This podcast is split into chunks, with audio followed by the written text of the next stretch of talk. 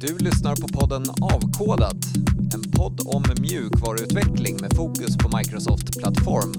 Av och med oss på Okej. Active Solution. Vi kör den klassiska då. På tre nu Yes, då. då Ett, vi. två, tre! Oh! Fantastiskt. Den var inte helt off jämfört med tidigare tillfällen. Ja, vad ska vi säga? Varmt välkomna till Avkodat ska vi väl säga. Tack. Vi har ett ämne för dagen. Eh, Och eh, ska vi spetsa till rubriken lite grann på det? Va, vad säger du Chris? Jo, men det, det kan vi få lov att göra. Det är, det, nå, någonting med solid och, och dött är väl en bra kombo. Ja, liksom. Okej, vi kan väl göra det till en frågeställning i alla fall, även om den är... Jag, jag kanske inte ens ställer upp på frågeställningen, men är Solid dött som koncept? Ska vi kalla det för det? Ja, Det är bra, det är lite det spetsigt. Och då för min skull också och kanske för de som lyssnar och tittar kanske vi måste förklara vad Solid är för någonting och gå in lite grann på de här principerna som har funnits, tror jag, sedan eh, början på 2000-talet. Var det då man formulerade det någonstans tror jag? 20, 20, precis. 2000. Exakt, 2000. Och eh, den här uppsättningen principer, jag skulle vilja säga att en del i att de har blivit så framgångsrika är att eh, det, det var smart att göra det till en akronym som låter lite clashigt. Det, det, Definitivt. Det roliga är bara att det är ju, det är ju eh, Uncle Bob som har kommit upp med principerna. Men i hans värld så hette de Soldi. Det är inte för en, annan talare vid senare konferens döpte om dem och gjorde dem till Solid, för det lät mycket bättre. det var då det catchade on. Ursprungsmodellen är Soldi. ja, Ja, ja men intressant. och sen så är ju en, en del av principerna är ju mycket, mycket äldre än så, Ja. eller hur? så är det. Ehm, så det är ju en sammanställning som Uncle Bob har gjort eh, som han tyckte var fem lämpliga principer för att brygga bra mjukvara. Eh, och anledningen att vi kanske kommer till den här är Solid Dead-modellen nu är, är väl lite grann det är rätt länge sedan nu. Vi pratar 20 år plus sedan, sedan de kom upp med det. Och vi har fått rätt mycket förändringar i verktygen vi använder. Vi har fått förändringar i språken vi använder. Det, det är rätt mycket delar som är annorlunda idag, idag än vad det var när Uncle Bob kom upp med principerna, eller satte ihop dem. Och utöver det så har jag ju personligen åsikter kring att vi har tagit principer eller idéer som har funnits lite längre och satt in dem i ett scenario där vi tycker att de passar, men det vi använder dem för och det vi säger att de betyder, betyder de faktiskt inte egentligen överhuvudtaget. Eh, vilket är lite lustigt när man börjar läsa på. Kan man säga att det har lite re- relevans också att flera utav de här handlar ju om objektorientering också. Och flera även objektorienterade språk som C-sharp har ju fått mer funktionell funktionalitet. Och vi har börjat använda funktionella språk. Och dynamiska språk. Absolut, det, det spelar ju in. Samtidigt så är ju faktiskt en del av solid-principerna ju egentligen, om man ska vara helt ärlig, applicerbara på funktionella språk också. I form av eh, single responsibility. Det funkar lika bra på att ett funktionellt språk ska ha en funktion som är single responsible. De är ju nästan, en, funktionella språk tenderar ju att vara ännu längre ut i den världen i form av att det ska vara pure functions med utan side effects och liksom verkligen specifika. Så att funktionellt versus objektorienterat, ja det finns vissa delar, men jag tror att om jag nu ska försvara principerna så är de, är de applicerbara på funktionell programmering också i min värld, men, men Eh, de har ju definitivt kommit ur objektorientering. Eh, men sen har vi också andra saker som spelar in, till exempel att vi har börjat titta på domändriven design, till exempel DDD, som just funkar ganska dåligt ihop med solidprinciperna på, på många områden eftersom vi bygger en inom citationstecken vacker domänmodell som vi liksom ska ta hand om och liksom utveckla över tid och grejer och det, det funkar ganska dåligt med Solid om man ska vara helt ärlig. Intressant att du fick positionen djävulens advokat här ganska snabbt. Ja, ja, ja precis. Jag, jag, jag borde varit på andra sidan. Nej, men det, det, det, jag, jag, är, jag är själv kluven. Eh, jag har pratat solidprinciperna på konferenser sedan 2013 eller 2014. Så att jag har ju liksom gjort hundratals dragningar vid det här laget om solidprinciperna, vad de är, hur de funkar, varför de är vettiga, vad, vad de tillför. Och det är inte förrän egentligen de senaste två åren som jag själv har börjat känna att de, det, det håller inte riktigt i min värld. Uh, och sen har jag börjat intressera mig lite grann mer för varför, den, varför jag inte tycker att det passar och vad det är som går emot hos mig. Och sen så visar det sig att Dan North har kommit upp med eh, sin idé om Cupid som, som säger att Solid är, är överspelat, vi borde ha en annan definition nu. Kevlin Henny åker runt i världen och pratar om varför Solid-principerna eh, är fel. Så jag, jag, är inte ensam, men jag har liksom kommit fram till det, jag tror vi är flera som har kommit fram till det över tid, att en del av mig är uppväxt med det och tycker att det är fantastiskt med Solid-principerna och en del av mig känner att fast det passar inte riktigt in längre. Så ja, jag kommer att spela båda sidorna. Ja, men det är bra. Men nu halkade vi in på exempel här eh, ganska snabbt på eh, single responsibility. Men ska, om, vi ändå, om, om vi börjar i, början då, ska vi gå igenom dem i, i den ordningen som, som de nämns i och, och försöka liksom se vad, vad utmaningen med dem kanske är? Ja. Men den, den första är ju vår single responsibility. Uh, vilket är i princip en väldigt enkel grej. Alla saker ska ha en, en responsibility. Uh, men det är väldigt svårt att definiera vad en responsibility är. Vad, vad är ett ansvar? Är det en funktion eller är det ett område? Eh, uh, Dan North har döpt den till Uh, vad är det han säger? Uh, the, the, extremely vague principle eller något liknande. För det, den är väldigt vag. Uh, och, och, frågan är ju ofta vad är one responsibility? Och jag har dragit den till att säga att det är en klass får bara påverkas, eller en, en modul får bara påverkas av ett krav. Det är en lite, lite lättare grej, för då innebär att Databas Access kan, kan liksom fortsätta att ha många olika grejer som gör i databasen, men så länge det är SQL i kravet liksom, så är vi på banan med det eh, Uncle Bob eh, läste jag nu har kommit ut med en kommentar om att single responsibility handlar om personer. Mm -hmm. eh, vilket är, den, jag hade inte hört den själv, men jag läste upp lite och han hävdar att det, beslut tas av folk på C-level, alltså CIO, CTOs och liknande. Och det ska bara finnas en individ vars åsikt ska påverka din kod. Uh, Okej. Okay. Ja, det, och då innebär det att om, om CTOn har ställt ett krav på en bit kod så ska han kunna ändra sig och det är bara han som ska ha, ha ins, alltså få lov att påverka den koden. Och om han ändrar sig så ska den koden inte påverka kod som CIOn till exempel har tagit beslut om. Så single responsibility enligt urgrundaren av Solid handlar om människor, inte om kod. Uh, och, och då mappar det ju bättre mot domäner då? Ja, lite grann. Det, precis. Det, det blir ju naturligare domänkoppling. Um, men, men det, det är också fortfarande väldigt flummig princip. Jag håller med om att vi ska, alltså, när det väl kommer till kritan så handlar det ju om eh, det vi alltid har pratat om, eller länge har pratat om, som är eh, high cohesion, low coupling.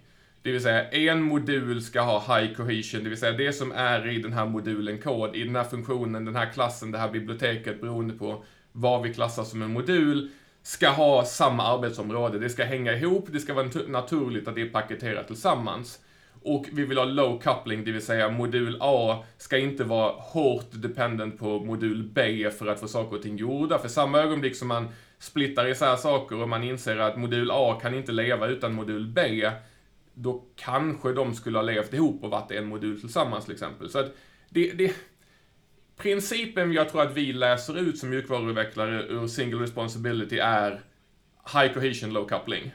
Men det är inte det principen faktiskt säger om man börjar läsa på, utan den är, den är väldigt, väldigt vag. Uh, och därför har jag... Vi är väl överens om att idén är bra, men jag tror att principen är, är för vag för att faktiskt fungera i verkligheten. Men om man hamnar i att man har en metod i varje klass och miljarder klasser, då, då har man hamnat lite fel. Ja, då har man ju, då kommer ju den här, ja du har extremt high cohesion i den klassen, för den vet precis vad den gör, men den har också ofantligt hög koppling till de andra klasserna för att kunna utföra sitt jobb. Alltså har du dragit strecken fel. Det, om man ska tillbaka, jag tycker om tanken på DDD väldigt mycket, och tittar man på DDD så är det ganska tydligt att om, det, om man drar sina boundaries fel i DDD så blir det lätt den modellen att man får mycket koppling fram och tillbaka och de gör många olika saker. Så att man, man får titta på det och jag, som sagt var, slutgiltigt i principen se till att din kod är, är liksom hänger ihop i en modul är väl är bra, men inte lika vagt som single responsibility. Mm. Jag vet att det finns, eh, det finns någon som skrev en C++-bok för ett tag sedan som sa att varje klass bör ha max 3 till 5 eh, ansvarsområden. Uh, och det är ju då, okej, okay, det är inte single responsible, men ofta om du vill ha high cohesion så blir det kanske så att man petar ihop ett par ansvarsområden i samma, samma klass i vilket fall som helst för att få high cohesion low coupling.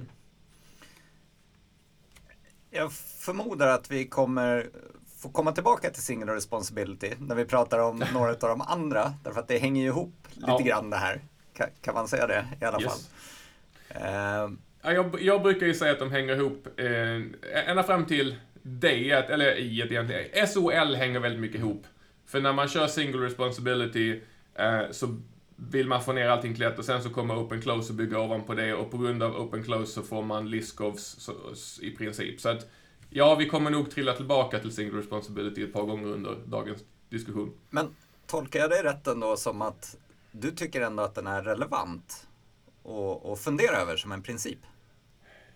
Absolut. Um, som sagt var, high cohesion, low coupling, ingen diskussion. Peta det, den kod som hör ihop ska vara på ett ställe så att man inte behöver liksom flera olika moduler för att utföra ett moment eh, på ett knepigt sätt. Men single responsibility med ett enda ansvarsområde tycker jag är, eller ett, ett enda ansvar är kanske lite väl hårt. Mm. Och det är också min version där jag säger ett krav får bara påverka en klass det, det ger oss lite mer utrymme än, än i min värld än hur jag tolkar single responsibility, men det är fortfarande kanske lite optimistiskt att få till det, speciellt i en DDD-värld där, vi, där liksom ett, ett objekt kan göra rätt mycket olika saker för att återskapa världen som vi har idag.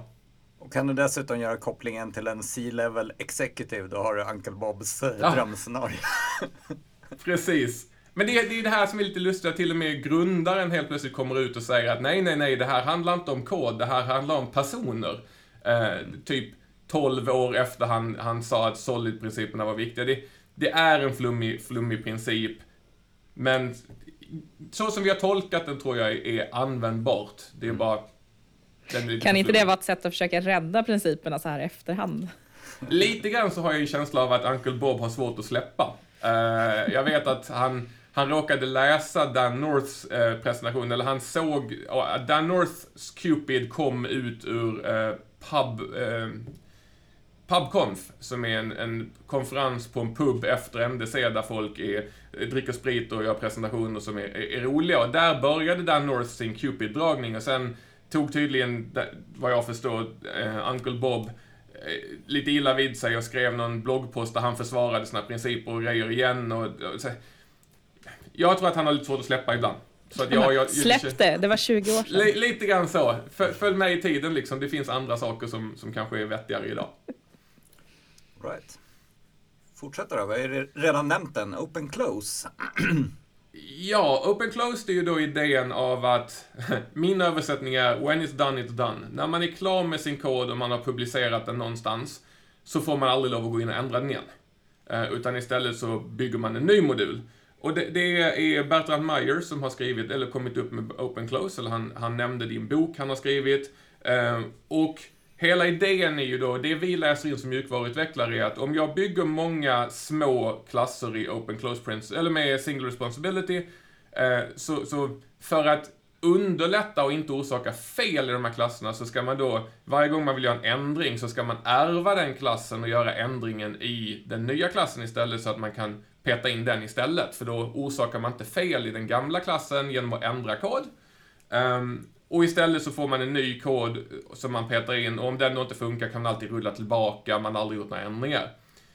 Det som är, om man nu ska vara lite kritisk till den principen, är att för det första så kan man ju då titta på var den kommer ifrån. Och det är Bertrand Meyer skrev en bok, för han har designat ett språk som heter Eiffel.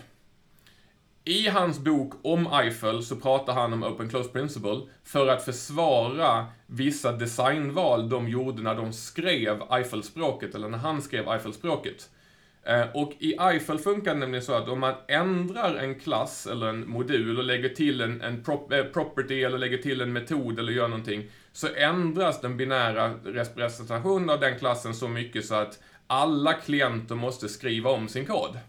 Det vill säga, gick, skrev man en, en, sak och publicerade den och sen la till en property till på den klassen, så var alla klienter tvungna att skriva om sin klientkod för att hantera den nya versionen. Så egentligen så är Open Close Principle där för att, för att det inte fanns bra versionshantering i Eiffel, eh, eller bra versionshantering på den tiden överhuvudtaget. Så att vi tolkar Open Close som att det har med mjukvaruutveckling och klasser att göra, men i själva verket så handlar det i, i min värld om Bertrand Myers försvar i designval han har gjort i ett språk han har designat. Och sen har det exploderat in i att vi tolkar det på ett sätt som vi, vi vill. Och en annan grej är att vi pratar Open Close med att ärva klasser, vilket var det eh, Bertrand Meyer hade i sin, sin kommentar, eller så som vi har tolkat den. Men över tid har vi fått det som kallas polymorphic open close, vilket är Hej, istället för att ärva en basklass och lägga till funktionalitet runt omkring, det vill säga kunna, för det den säger är att du får lov att, eh, du får inte ändra men du får, får utöka och lägga till saker. Eh, men vi har nu Polymorphic som är, hej, du har ett interface, det vill säga API för din klass är satt, men funktionaliteten får du lov att ändra hur mycket du vill, vilket ju helt ärligt är inte alls open close principle. Det är, det är exakt omvänt av vad, vad Bertrand Meyer sa en gång i tiden som var behåll all funktionalitet och lägg till saker och nu är det ha kvar API men gör vad du vill bakom. Uh, det är två vitt skilda saker och jag tycker personligen att Open Close made sense när man tänker att hej, vi har ingen versionshantering. Absolut, där kan det vara vettigt. Om man har ett språk som påverkas av alltså det, i C-sharp till exempel, eller de flesta moderna språk, så skulle det inte påverka alls, för jag får lov att ändra en klass hur jag vill, så länge jag bara lägger till nya saker, för alla, alla klienter som använder den klassen kommer fortfarande bara funka. Vi har inte de problemen idag, och tar vi och tittar på och det, är så, det, det, underlättar för man, man skriver inte sönder någonting och man gör inte konstiga refaktoriseringar som gör att vi ändrar kod som introducerar problem med de idéerna vi har idag och de, vi har automatiserade enhetstester, vi har eh, kompilatorer som ger oss felvarningar och grejer när vi gör fel och liknande. Vi har Roslin Analyzer som kan ge oss ännu mer information. Mycket av det här som man försöker försvara sig mot med Open Close löser vi med moderna verktyg, moderna eh, kodbaser eh, och andra saker. Så för mig så är Open Close kanske den minst relevanta uh, av, av alla principerna. Mm. Jag håller med om att just unit-tester är väl de som har gjort att open closed inte behövs. För har mm. man liksom kompletta och bra unit-tester innan man börjar ändra i sin klass, då ska man ju kunna gardera sig till att det blir bra. Ingenting säger ju att det blir bra bara för att man skriver, skriver det på nytt, eller? Nej, Nej och framförallt så tycker jag ju att man har bastardizat principen lite grann genom att säga hej, vi förstår vad du säger med basklasser och ärva och lägga till saker, fast nu i en modern värld när vi har interface, vilket han inte hade, nu vänder vi på den, så nu är det API som är viktigt, inte koden bakom. Då försvinner också hela principen av det han säger, vilket innebär för det han vill komma fram till är att du inte ska ändra koden så att någonting går sönder. Eller det är vår tolkning av vad han säger. Medan API-versionen, eller interface-versionen, där finns ingen garanti där mer än att hej, du följer ett API så att vi vet vad API för din klass är, men vad du gör bakom är liksom, har ingen säkerhet överhuvudtaget för att du kör open close inom situationstecken. Men om man lägger på Liskovs då? Um, Liskov är kanske den mest feltolkade uh, av alla pri principerna. Uh, vilket är lustigt, för Liskovs är den uh, det finns en beskrivande text som är if qi equals bla bla bla, approvable of, det finns, ni kan hitta den på Wikipedia. Ja, jag var tvungen att skriva ut den här, för det är den, så, det är den ja. som man tittar på när man, när man googlar upp Liskovs. Och så tittar man på den ja. och så känner man så oh, det där kändes, nu fick ja. min hjärna ont, men faktiskt så är den ju egentligen inte så krånglig när, när man väl förstår den. den. Den är ju ganska straightforward. Och jag skulle vilja säga att det är ju den ändå utav de här principerna som är bäst definierad ändå. Som har en väldigt strikt ja. definition. Får, får jag läsa upp den bara? Så ni kan få ja, lite ont i hjärnan också. Let Q of X be a property provable about objects of X of type T. Then Q of Y should be provable for objects y of type s, where s is a subtype of t. Alltså egentligen så säger den ju bara att om, om du har en, en metod så, så ska din subklass eh, bete sig likadant. Du ska kunna byta ut din, eh, din basklass mot din subklass och du ska förvänta dig att det ska fungera. Det är det den säger. Sen exakt vad det betyder. Nej, det, du, du, vi ska inte, här är, här är, du har sagt exakt vad den betyder. Ja. Medan sen har vi som mjukvaruutvecklare gått in och sagt, ja men det är nästan det den betyder. För att vi har tolkat Liskov som att så länge din klass uppfyller API som har funnits sedan tidigare, som när du ärver din klass och att den ungefär gör sam, har samma, alltså att vi kan peta in den på samma ställe som vår, vår, vår superklass, alltså vår, vår originalklass, så är allting fine. Men det Liskovs, metod, Liskovs idé där är faktiskt inte alls det, utan hennes idé är om du har klass A och du ärver den till klass B, så måste klass B uppföra sig identiskt med klass A. Ja, men precis. Och det, det finns... och det är ju skillnaden, därför att uppförandet, för det här kan ju gälla dynamiska språk också. Du, säg att du returnerar ja. någonting, då ska det, det som du returnerar ska kunna konsumeras utav en klient till subklassen på samma sätt som basklassen. Och det är väl här det inte riktigt, eh, vi inte riktigt har Nej. med, utan vi tänker bara, ja men interfacet uppfylls. Ja. Det är väldigt sant. Vi, vi ser det som att så länge den är binärt kompatibel med att skickas in på samma ställe som föregående klass så är det fine. Men som sagt var, det hon säger är strikt. Egentligen det Bertrand Meyer säger i Open Close också, nämligen att du skapar en klass, du ärver den klassen, du får aldrig lov att ändra ursprungsklassen utan bara lägga till saker runt omkring. Så i princip, om man, om man säger att man har ett fullvärdigt batteri av unit-tester över en klass, och man ärver den klassen och skickar in en ny, och, och gör en ny typ av den, så ska den nya typen kunna gå igenom alla de unit-testerna och det ska bli grönt hela vägen igenom med exakt samma returvärden, exakt samma förutsättningar. Så man får aldrig lov att ändra på sin klass. Får man eh, optimera då? Så du får göra vad du vill. I, i teorin kan du göra, göra exakt vad du vill inne i klassen, men det de säger med property provable of, det vill säga om jag anropar metod X på klass A och jag ärver klass A till klass B och anropar metod X, så måste metod X returnera exakt samma svar som metod X i, i föregående klass. Och sen ska man också komma ihåg att Barbara Liskov jobbade inte mjukvaru, med mjukvaruutveckling, hon jobbade med dataanalys. Så det här handlar inte om mjukvaruutveckling, det här handlar om dataentiteter för dataanalys. Och när du gör datahantering, då är det ju jätteviktigt att om jag bygger en, ett objekt som ska motsvara en entitet i mitt data, och jag sen väljer att ärva den klassen, så är det klart att den ärvda klassen får inte lov att gå in och börja manipulera datat från min ursprungsklass.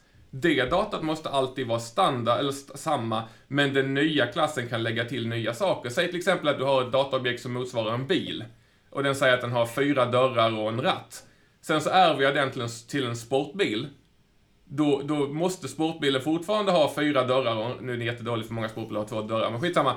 Den ska fortfarande ha fyra dörrar och en ratt. Sen kan jag lov att sätta till att det sitter en jättestor motor i den eller att den har mycket högre acceleration. För det bryr sig inte om originalklassen om, men den standarddatat måste liksom fortfarande vara exakt samma och det är därför som i mjukvaruutveckling blir det helt meningslöst. Precis som Open Close delvis gör det för att ja, men du, du, vi får ju aldrig ändra nej, någonting. Och du har ju det i ditt, i ditt exempel. Ja men sportbilen, nej men den har ju två dörrar. Vad gör man då? Ja. Mm. Nej, då är man rökt. Då får man inte lov att göra det liksom. Eh, sen är det mycket av det hon säger som går då att göra det vi har gjort, nämligen vi, vi tweakar det hon säger till det som passar oss i en Liskovs-värld där hennes regler kring hur man inte bryter det här omedvetet fortfarande passar in på vår värld. Eh, att vi ser det som liksom att, ja men den ska vara kompatibel med den föregående klassen, men vi får ändra saker i den. Men det är inte det hon säger och det är väl min största liksom, åsikt kring det. Och sen är det också än en gång, vi har automatiserade tester, vi har nyare språk, vi har bättre kompilatorer. Mycket av hennes problem försvinner om vi har ett bra testramverk som kan köra igenom allting som, som vi bygger.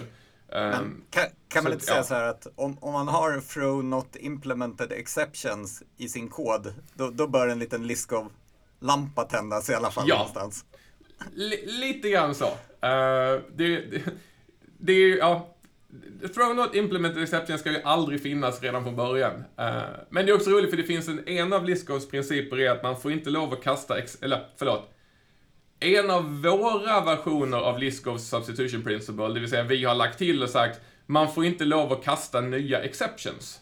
För det är en sån här grej att om vi har kod som är ute och funkar med, den här, med en klass som kastar ett visst antal exceptions så kan klienterna hantera dem. Ärver vi den klassen och kastar nya exceptions så är klienterna inte förberedda för våra nya exceptions. Därför får man aldrig kasta nya exceptions om de inte ärver från tidigare exceptions.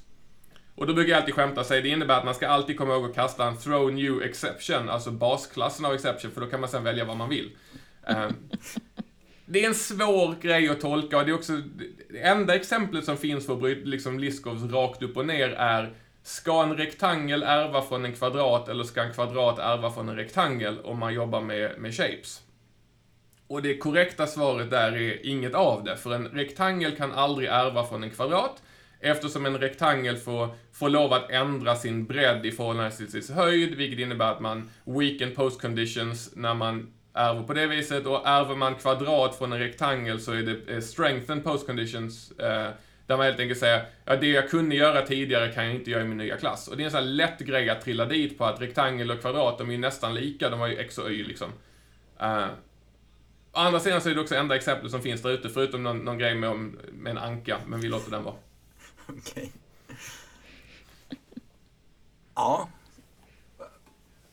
Um, ja, så den är ju, det, det, är ju min, min absolut, den, den är ju kanske värst förvriden, den principen. Den, den har vi vridit ganska hårt från vad den faktiskt säger. Uh, den nästa, jag gissar på att... Vi har fått in ett uh, chattförslag här. Båda ärver från fyrkant. ja, och, men fyrkant är ju lite intressant för det är ett svenskt ord. Jag vet inte riktigt hur man har det i andra språk. För fyrkant är ju egentligen det, för, precis, föreställer både rektangel och kvadrat liksom. Uh, men jag vet inte hur man kallar, vad är en fyrkant på engelska? Det är en square i sådana fall. Uh, men en square är ju då det vi kallar en, en kvadrat. Ja, anyhow. Den ska ärva från, från Shape om man ska vara helt ärlig. Uh. Men den nästa är ju, är ju den som är roligast. Det är Interface Segregation Principle. Mm. Som säger att vi ska ha små interface Eh, som är lätta att implementera. För är de små så är det lättare att man skapar en ny implementation av dem. Eh, och är de för stora så ger man liksom för mycket yta för klienter att konsumera på en gång. Utan en klient ska aldrig behöva konsumera ett, en, ett interface som har mer funktion än vad det faktiskt behöver. Typ. Eh, eller den här sköna som jag hör från folk, ja men delete-metoden vill jag ha i ett separat interface så att inte någon deletar saker som de inte får. Och jag tycker det är så lustigt, för det är liksom, men vänta, det är dina kollegor du pratar om. För det är ju så att du skriver kod, eller jag skriver kod som innehåller delete och jag litar på att Cecilia inte går och skriver och deletar saker i databasen bara för att hon tycker att det är kul, eh, för att hon har access till en delete-metod. Ehm, och, och jag, jag, tycker det är en ganska dålig, dålig anledning till interface segregation att säga att ja, men vi ska bryta loss vissa metoder för att jag inte litar på mina kollegor. Däremot kan det finnas scenarion där det är vettigt att bryta isär det för att domänen, eller det området man jobbar med, behöver det. Men hela principen kan vi i princip slänga ut eh, generellt eftersom om man har gjort single responsibility tillbaka till första principen, det vill säga man har high cohesion, low coupling, det vill säga ditt, ditt objekt gör väldigt specifikt det det ska göra, så kommer vi inte behöva ha interface segregation principle för att det är redan löst med att vi har små klasser liksom. Men det här, det här är uh, ändå... Ett... Det sägs också att... Ja, uh, ja, ja vad? Nej, jag, jag, tänkte bara, det här, det här är ju ändå ett problem som man kan stöta på när man använder vissa ramverks när man ska implementera vissa ramverksinterface till exempel och får en oändlig mängd med märkliga metoder som man inte överhuvudtaget någonsin kommer ha någon nytta av och inte vet hur man ska implementera. Typexempel som jag brukar ta upp när vi pratar om det är Membership Providern från AspNet. Eh, så i AspNet så hade de en, en klass som användes för att hantera inloggning bland annat. Och man ärvde från en basklass som heter Membership eh, och så valde man Implement eh, Base Class i Visual Studio och så fick man någonting i stil med 24 metoder som skulle implementeras som var allt ifrån hämta en användare på ett ID och hämta en användare på ett på, eh, e-mail till vad behöver du för passwords komplexitet? Är, är personen utloggad eller blockerad för för många inloggningsförsök? Till att uppdatera användaren, till att hantera... Den, den skötte allting man kunde tänka sig med, med liksom person, eh, användaruppgifter och liknande i enda klass. Och dealen med den var lämna throw not implemented exception i alla metoder som du inte har behov av. Vilket man för övrigt inte visste vilka det var, för att det upptäckte man inte förrän man körde koden om det funkade eller inte. Uh, så visst, det, det, finns scenarion där det, det, det, fyller en funktion, men frågan är, hade det varit bättre att köra små interface på den klassen, eller hade det varit bättre att ha små klasser som gjorde små saker, som man pluggade in klasserna istället för eh, olika interface? Eh, och där tycker jag att hade, hela den klassen bryter ju mot single responsibility, eller liksom high cohesion väldigt, väldigt mycket redan från början. Så hade man brutit isär den och kört high cohesion så hade vi inte fått några problem med att interfacet hade varit för stort. Eh, så jag, det sägs att idén med Interface Segregation Principle kom från att uh, Uncle Bob jobbade på Xerox och hade tydligen någon God-class som gjorde allting i hela systemet i en enda stor grej. Och medan han refaktoriserade den så kom han fram till att små interface var bättre.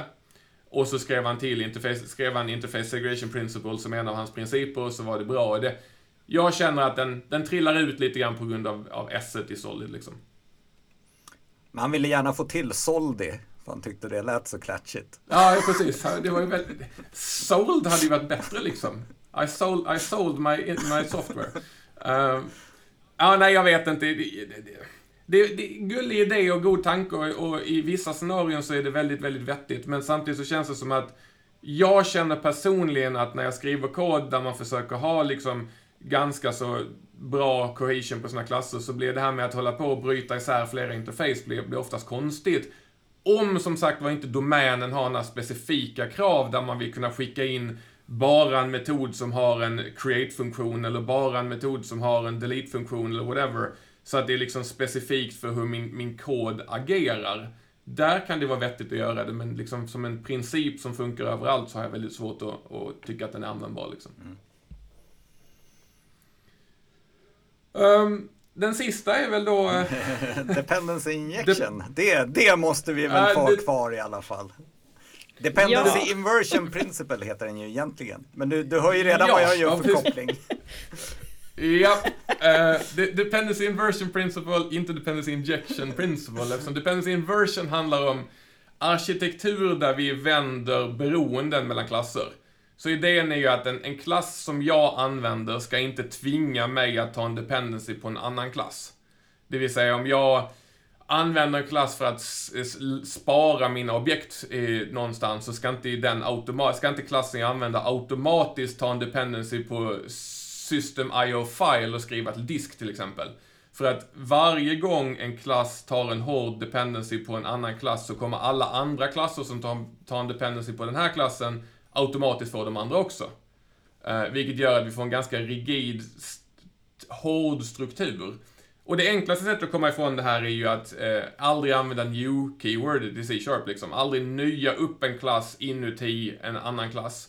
Utan vill man ha en, en instans av någonting så antingen behöver man använda en factory.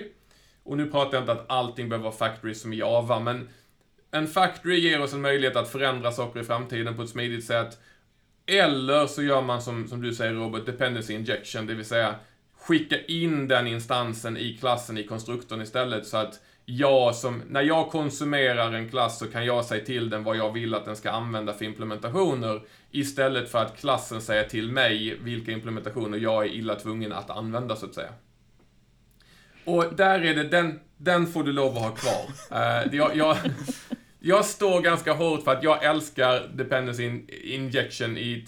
Det faktum att det finns inbyggt i ASP.NET Core till exempel, eller .NET Core, uh, gör det jäkligt smidigt. Det, jag har bara vant mig vid att jobba med dependency injection de senaste, ja, 8-10 åren. Uh, och när man väl vänjer sig vid det så är det jäkligt smidigt. Sen måste jag väl hålla med Dan North som kanske ifrågasätter om vi övergör det lite mycket just nu. För väldigt, väldigt ofta så gör vi ju skapar vi ett interface och gör dependency injection för att vi ska kunna unit-testa våra, vår kod. Det är så, ah, varför har du ett interface här? Den här klassen, den här servicen kommer, servicen kommer ju alltid ha den här implementationen. Vi kommer aldrig någonsin byta ut den. Nej, men jag måste kunna unit-testa den. Då måste jag kunna byta ut den under unit-testet. Jag förstår den principen, men frågan är ju om vi gör koden onödigt komplex med väldigt mycket interface och väldigt mycket liksom redirection och indirection till våra klasser och, istället för att kanske testa på en mer integrationsnivå. Och väldigt mycket startup-procedur kod yep. istället som yes. blir mer eller mindre komplex och svårförståelig ibland också. Ja. Och där är det ju, ja. Mm. Ja, men samtidigt så gråter jag de gånger som det inte är gjort så, för att ja. det är så jävla jobbigt att göra unit-tester på det. Mm. Det är det, men det, det, det, finns ju massor att säga. För det första så kan man ju backa upp lite grann och säga, är det möjligen så att vi har för mycket unit-tester och för få integrationstester? Jag vet att pyramiden säger jättemånga unit-tester, lite mindre integrationstester och väldigt få end-to-end-tester, men jag är inte helt säker på att det är bäst lösning för att bara för att unit-testet funkar så innebär det ju inte att det funkar bra ihop med andra enheter. Så att om vi minns, alltså integrationstester ger i min värld mer värde och vi skulle kunna komma runt en del dependency injection med, eh, med integrationstester istället för unit-tester. Men du skulle också, om man ska vara helt ärlig, ett enkelt pattern som man skulle kunna använda istället, som jag tänkte på nu, har aldrig, aldrig slagit mig tidigare, men det är ingenting som hindrar dig från att du i din klass har en, i konstruktorn anropar du typ en virtual, um, protected virtual ehm, um, initialize metod. I vilken den skapar upp de typerna som behövs. Och sen så i din, i ditt, eh, test, i din test så, så ärver du helt enkelt klassen, overrida initialize-metoden och skapar upp testversioner av grejerna istället. Du slipper dependency injection, du förenklar koden jättemycket, du slipper, för att by default kommer den göra det du vill, men du kan fortfarande unitesta den, för du har den här liksom setup-metoden som du kan overrida i dina unit-tester. Det är ju ett alternativ för att komma runt unit-testningsdelen utan att för den skakens skull behöva skapa 50-11 000 interface som folk ska implementera. Ja, och det är så som, eh, där det har varit brist på det här så är det faktiskt så som mitt team har jobbat ganska mycket mm. också. Just därför att det blir, det är inte vettigt som du säger att bara lägga upp massa interface bara för att göra unit-tester, utan man kan styra, man kan ju göra det på olika sätt det här för att lösa det. Men det är, det är grundproblematiken att man behöver koppla loss och se till att det är någon typ av input någonstans som man använder mm. vidare och inte att man, precis som du säger, ni, gör en new, då ska du backa och tänka en gång till. Så här, kommer det här att funka både för koden och för testerna? Precis, och då är det ju, kan jag flytta ut new i en factory-metod till exempel, så att jag kan overrida någon factory vid något tillfälle i unit-testerna. Eh, eller kan jag plocka ut det i en metod, en virtuell metod som jag kan overrida för mina tester eller liknande. Det finns ett sätt för det och sen är det, jag kommer absolut fortsätta att köra dependency injection way beyond vad jag säkert borde göra. Men jag är van vid att jobba på det viset. Jag tycker att det är ett väldigt smidigt sätt att, att jobba på i de flesta fall. Men fortfarande värt att ta en tank, tankeställare kring att är det verkligen Gör jag det här bara för mina unit-tester? För det är också, jag ser jättemycket kod där folk anpassar sin produktionskod jättemycket för att ens unit-tester ska funka. Och lite grann är det så att jag tycker inte att vår produktionskod ska anpassas för att vi ska kunna skriva våra tester. Våra tester ska ju anpassas för att testa det vi skriver, om, om jag ska vara helt ärlig. Sen är det inte görbart i alla scenarion, men det är ju en, kanske en liten tankeställare som man kan ställa sig själv. Är det liksom, gör jag det här för att mina tester ska funka, eller gör jag det här för att jag behöver det för produktionen? Det är två rätt olika sätt att se på saker och ting. Mm. Sen är det superintressant där du var inne på också vilka nivåer vi testar på. Unit-tester versus mm. integrationstester. Det känns som, det får nog bli ett eget avsnitt utav avkodat tror jag. det känns som ett rätt, rätt ja, stort kan, område. Det och, det, och det går ju eh, Precis. utanför uh, dependency inversion principle. Det gör det definitivt. Men det är, om vi, om vi ska avsluta kring dependency inversion principle så är det väl att jag tycker fortfarande att den är en, en valid point. Jag tycker att vi kan, det, det, är någonting jag verkligen står för, för det ger oss flexibilitet, det gör smidigt att kunna testa saker, det gör smidigt att kunna ändra saker på ett annat vis. Eh, men även där, ta en liten funderare på varför gör jag det här? Kommer jag byta ut? Det är dina klassiska, kom ihåg att alltid sätta ett interface ovanför ditt dataaccesslager utifall att du vill byta från SQL till eh, Oracle. Och jag har det som exempel när jag pratar och det är alltid en person i publiken som har gjort ett sånt byte och jag är klart tveksam att de faktiskt har gjort det i verkligheten för ingen byter från SQL till Oracle eller från Oracle till SQL utan att det innebär ofantligt mycket större problematik än att vårt dataaccesslager är inte lätt utbytbart liksom. Samtidigt som när man har varit med och gjort en, en migrering utav ett system till Azure till exempel där eh, det finns råa fil dependencies sprinklade över ett större ja. system så, så vet man ju hur, hur smidigt det hade varit om eh, någon hade tagit hänsyn till eh, just den här principen. Så är det ju. Och det är ju det, det, det är lite svårt att ha i åtanke, liksom tänka sig att ja, om, om fem år så ska vi flytta till Azure. Men visst så är det ju om man, om man tänker efter om jag, om jag behöver köra det här någon annanstans, behöver jag göra några ändringar då? Ja, men då är det kanske värt att ha ett interface. Eller har jag saker som jag, kan jag interfacea ut någonting och dependency injection någonting annat för att jag ska kunna göra det lokalt medan jag kör? För det är en sak jag kan tycka är lite annorlunda mot unit-tester, det är att kan jag köra det här lokalt på min maskin Istället så att jag inte behöver tanka upp den till vår cloudmiljö eller vår serverpark för att testa koden. Och där är det ju ofta så att man kan komma runt en hel del dependencies som, åh, oh, vi har en servicebuss som skickar meddelande. Ja, men jag bryr mig inte så mycket om den i min, min kod liksom, så att jag bara skickar ut den till en nullservicebuss som bara ignorerar meddelandena, så kan jag köra den lokalt. Det är ju extremt flexibelt. Eller jag byggde ett system på Nya Zeeland en gång i tiden som Det har ju faktiskt flyttat med oss, vi har det på Active Solution nu, den här eh, kiosken för att ta, ta foton och grejer. Där hade vi, byggde vi en kiosk som hade en inbyggd eh, systemkamera, en webbkamera, en mynthand, eh, myntinkast eh, och en printer och någon annan grej. Men det var, och en ja, touchskärm och sådana saker. Och det var lite svårt för mig att jobba med den mjukvaran eh, när jag bodde på Nya Zeeland, för jag hade inte tillgång till hårdvaran. Så jag hade tillgång till hårdvaran under någon vecka för att implementera det och sen så försvann hårdvaran igen. Och så fick jag en annan bit hårdvara och så implementerade jag den. Så att alla de sakerna var ju ett måste att interfacea ut och dependency injecta så att jag kunde ha olika lösningar när jag satt och jobbade lokalt. Eller det faktum de kom och sa, hej vi, vi ska ha en ny kamera nu som har en ny SDK. Då kunde jag sitta i Sverige och skriva en implementation av deras nya kameramjukvara med, deras, med den nya SDKn och de kunde bara ändra en liten config-fil så injicerade de helt plötsligt den nya kameramodellen i den, de nya kioskerna och den gamla kameramodellen i den gamla kioskerna. Så att det finns ju jättemycket flexibilitet där, absolut. Mm. Så vad, vad, vad har vi kvar för akronym då? Vad fick man? Vi fick D och I eller vad väl Ja, nej. nej, I försvinner. Vi får väl, uh, jag vet inte, det blir D. Uh, följ D allihopa säger jag bara. Uh, nej, jag, jag, jag, jag, hör att den nya är Ludd. Ludd. Vad är, vad är Ludd? Ja, men du har snackat om log-koppling här i Cohesive ganska ja, mycket. Det känns ja. som den sitter ganska kvar. Vi har pratat ganska mycket runt unit-tester så det känns ganska centralt ju på något ja. sätt. Och så, och så det. Så lud. Jag vill ha ladd i sådana fall. Eller, så kan det vara den första bara responsible Blir det till det? Ja.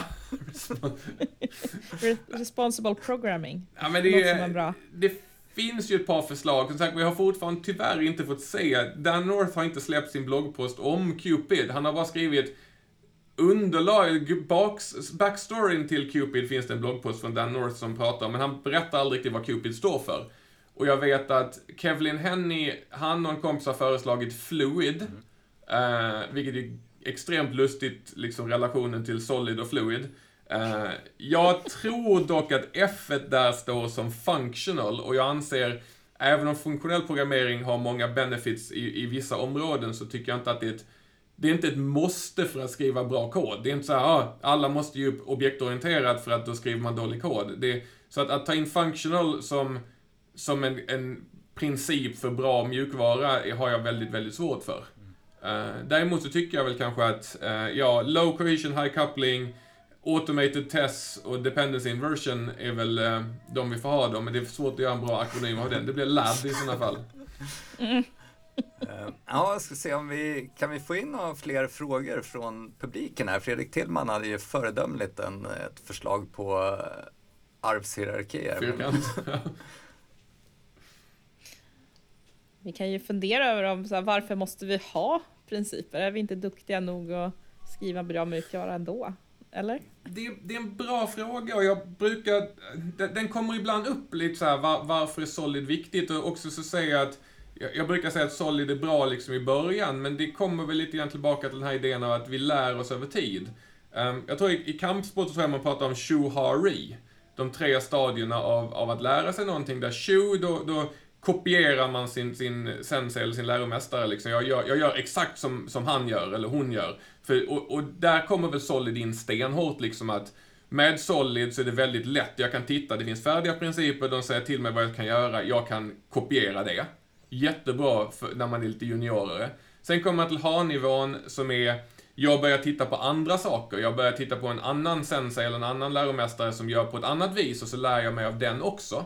Och så kom, får jag liksom flera olika grejer. Det är där vi kommer till att vi har Solid som en, men så kanske man går och tittar på någonting annat också. Så ja, men här är några andra principer som andra människor jobbar med och så, så här. Och sen kommer man till RI-nivån som är jag, jag förstår eh, nivån jag förstår min originalmästare, jag förstår de andra jag har studerat under också, men nu har jag blivit så bra så att jag, jag själv börjar utveckla mina egna prylar. Jag börjar själv kombinera grejer och så vidare. Och Solid-principerna funkar kanske bäst eh, Eh, i, i nivån när man är ny, man behöver liksom lite riktlinjer, det är liksom, här är bra grejer. För att varje gång man gör ett avkall på, på en del av liksom tankarna bakom Solid, så är det lätt att det blir konstigt längre, lite senare. Medan samtidigt så vet man vad man pratar om så Ja, då kanske man gör avkall och vet liksom att ja, men här bryter jag mot det här, men jag bryter medvetet mot den här grejen för att jag vet att jag inte kommer behöva, eller jag vet att det här är bättre. Så att jag tror vi behöver bra principer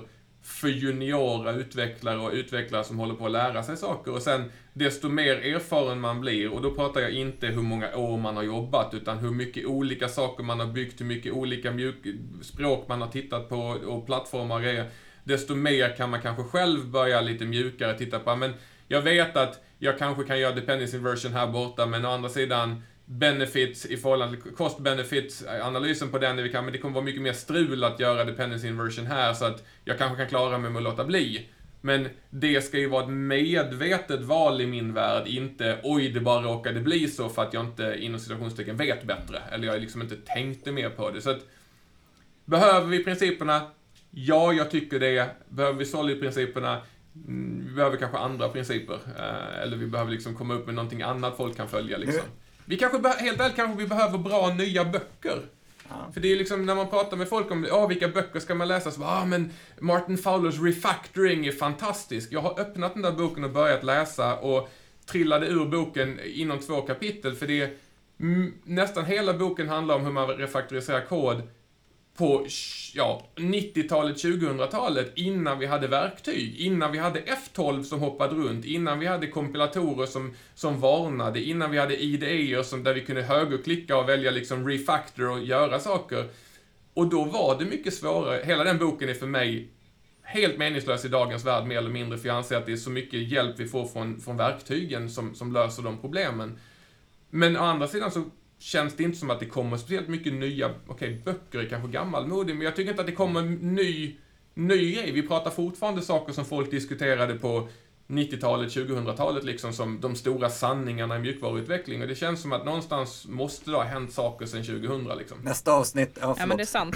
Kör, sorry. ja men det är sant, alla de här typer av eh, arkitekt, eh, lära sig städa koden, hålla, alltså alla typer av sån liksom, litteratur, det är ju som du säger, de är ju gamla, alltså många gånger bra, men de är ju gamla. Så, ja. så att, precis som solid-principer så behövs lite nya böcker. Ja, man missar ju mycket av de här liksom Gang of Four-böckerna och liksom olika patterns och grejer. Det är inget fel på patternsen, det är bara det att de är alla skrivna i språk som, som saknar features som vi har idag, där man tittar på någonting och bara fast den här grejen ni bygger, jag förstår att den är jättesmart, men jag kan ersätta den med det faktum att vi har eh, generics i C-sharp. Så att det blir liksom... Men, grundprim hela men grundpremissen är hur binärkompatibilitet i Eiffel fungerade en gång i tiden. Då kanske... okay. dags, dags att titta vidare. Men Chris, det här är ju ett frö till dig att ta tag i det här med ett bokprojekt. Jag känner det också. Jag, jag känner ju bara, för det första så känner jag att jag trampar på tillräckligt många tår genom att överhuvudtaget säga att vi kanske ska glömma solidprinciperna. Jag är jag körde min första sån dragning på en konferens för ett par veckor sedan och var faktiskt helt ärligt lite rädd för re responsen. För jag, jag har sett kommentarerna på Dan Norths bloggpost om bakgrunden till Cupid. Där, där det är liksom, nej, nej, du har helt fel. Eh, Uncle Bob är mer eller mindre en gud i vår värld och man får aldrig lov att säga emot honom. Så jag, för det första är jag lite rädd för, för liksom vad jag får för reaktion från andra utvecklare och för det andra så har jag frågat folk om att skriva böcker. För jag har varit på väg åt det hållet. Och alla som någonsin har skrivit en mjukvarubok säger Ja, det är jättekul att säga att man är, har skrivit en bok, men du får aldrig betalt för ditt jobb och du får aldrig några pengar för det. Och i slutändan så är det en liten egotripp på din bok. Jag känner inte riktigt att det är värt det jobbet. Samtidigt som en, en sån arkitekturbok kanske skulle skulle hålla lite längre än eh, introduktion T till Silverlight. TFS 2015. Ja. Precis. Jag är lite glad för bokförslaget jag fick var faktiskt på Silverlight och jag är lite glad att jag inte har skrivit en Silverlight-bok. Jag kan åtminstone, om några år så kommer jag kunna dölja hela den, den historien och så behöver ingen säga någonting. Lite kult, Klart svårare när, kultklassiker. lite, lite svårare när folk kommer med bok, boken liksom, du har ju skrivit den här. Nej, jag har aldrig, aldrig jobbat med Tvungen att byta namn till slut. Ja, ja, precis. Det finns ju faktiskt en Silverlight-utvecklare som heter Silverlight i efternamn. Uh, det är ju lite halvjobbigt när produkten försvann. Han fortsatte detta. Jag vet inte om han, om han bytte för det eller om han faktiskt hette Silverlight redan innan. Uh, men det är ju, ja. Det var ett kul namn tills det gick åt skogen med produkten. Han heter Skala idag i efternamn. Akka.net. Ja, det känns som eh, tiden flög iväg som vanligt när vi sitter och, och snackar. Ska Ja. vi ha Och något? jag tog jättemycket plats. Nej, nej, men det, det, var det, som var, det var det som var tanken. Ska, ska vi ha några avrundande ord? Vi, vi får väl ta upp eh, principerna i rest kanske nästa gång och bryta ner det. Jag har förvånansvärt mycket åsikter där också Jag efter att ha läst Roy Fieldings dissertation on rest. Eh, så att, ja, ja, det skulle vara jättekul. Men det skulle vara kul att få in någon annan också som hade åsikter. För jag, jag har mycket åsikter kring det ämnet, men vi skulle behöva någon som någon annan också liksom, som kan säga emot mig. Det får vi försöka hitta. Välkommen att kontakta oss om du skulle vilja debattera det med, med oss och Chris framförallt. Så ehm, ja, men det, det återstår väl att tacka till de som har lyssnat, till dig som har lyssnat och de som har tittat. För idag gick det faktiskt ut via video också på ett antal kanaler. Jag vet faktiskt inte ens riktigt vad vi sände live. Lite av varje. Tydligen, YouTube, tydligen YouTube, för Fredrik Tillmans kommentar hade en YouTube-signal. Ah, okej. Så att vi gissar på att vi är där i alla fall. Cool. All right, då tackar vi för oss. Tack så mycket. Vi hörs sen. Hej då!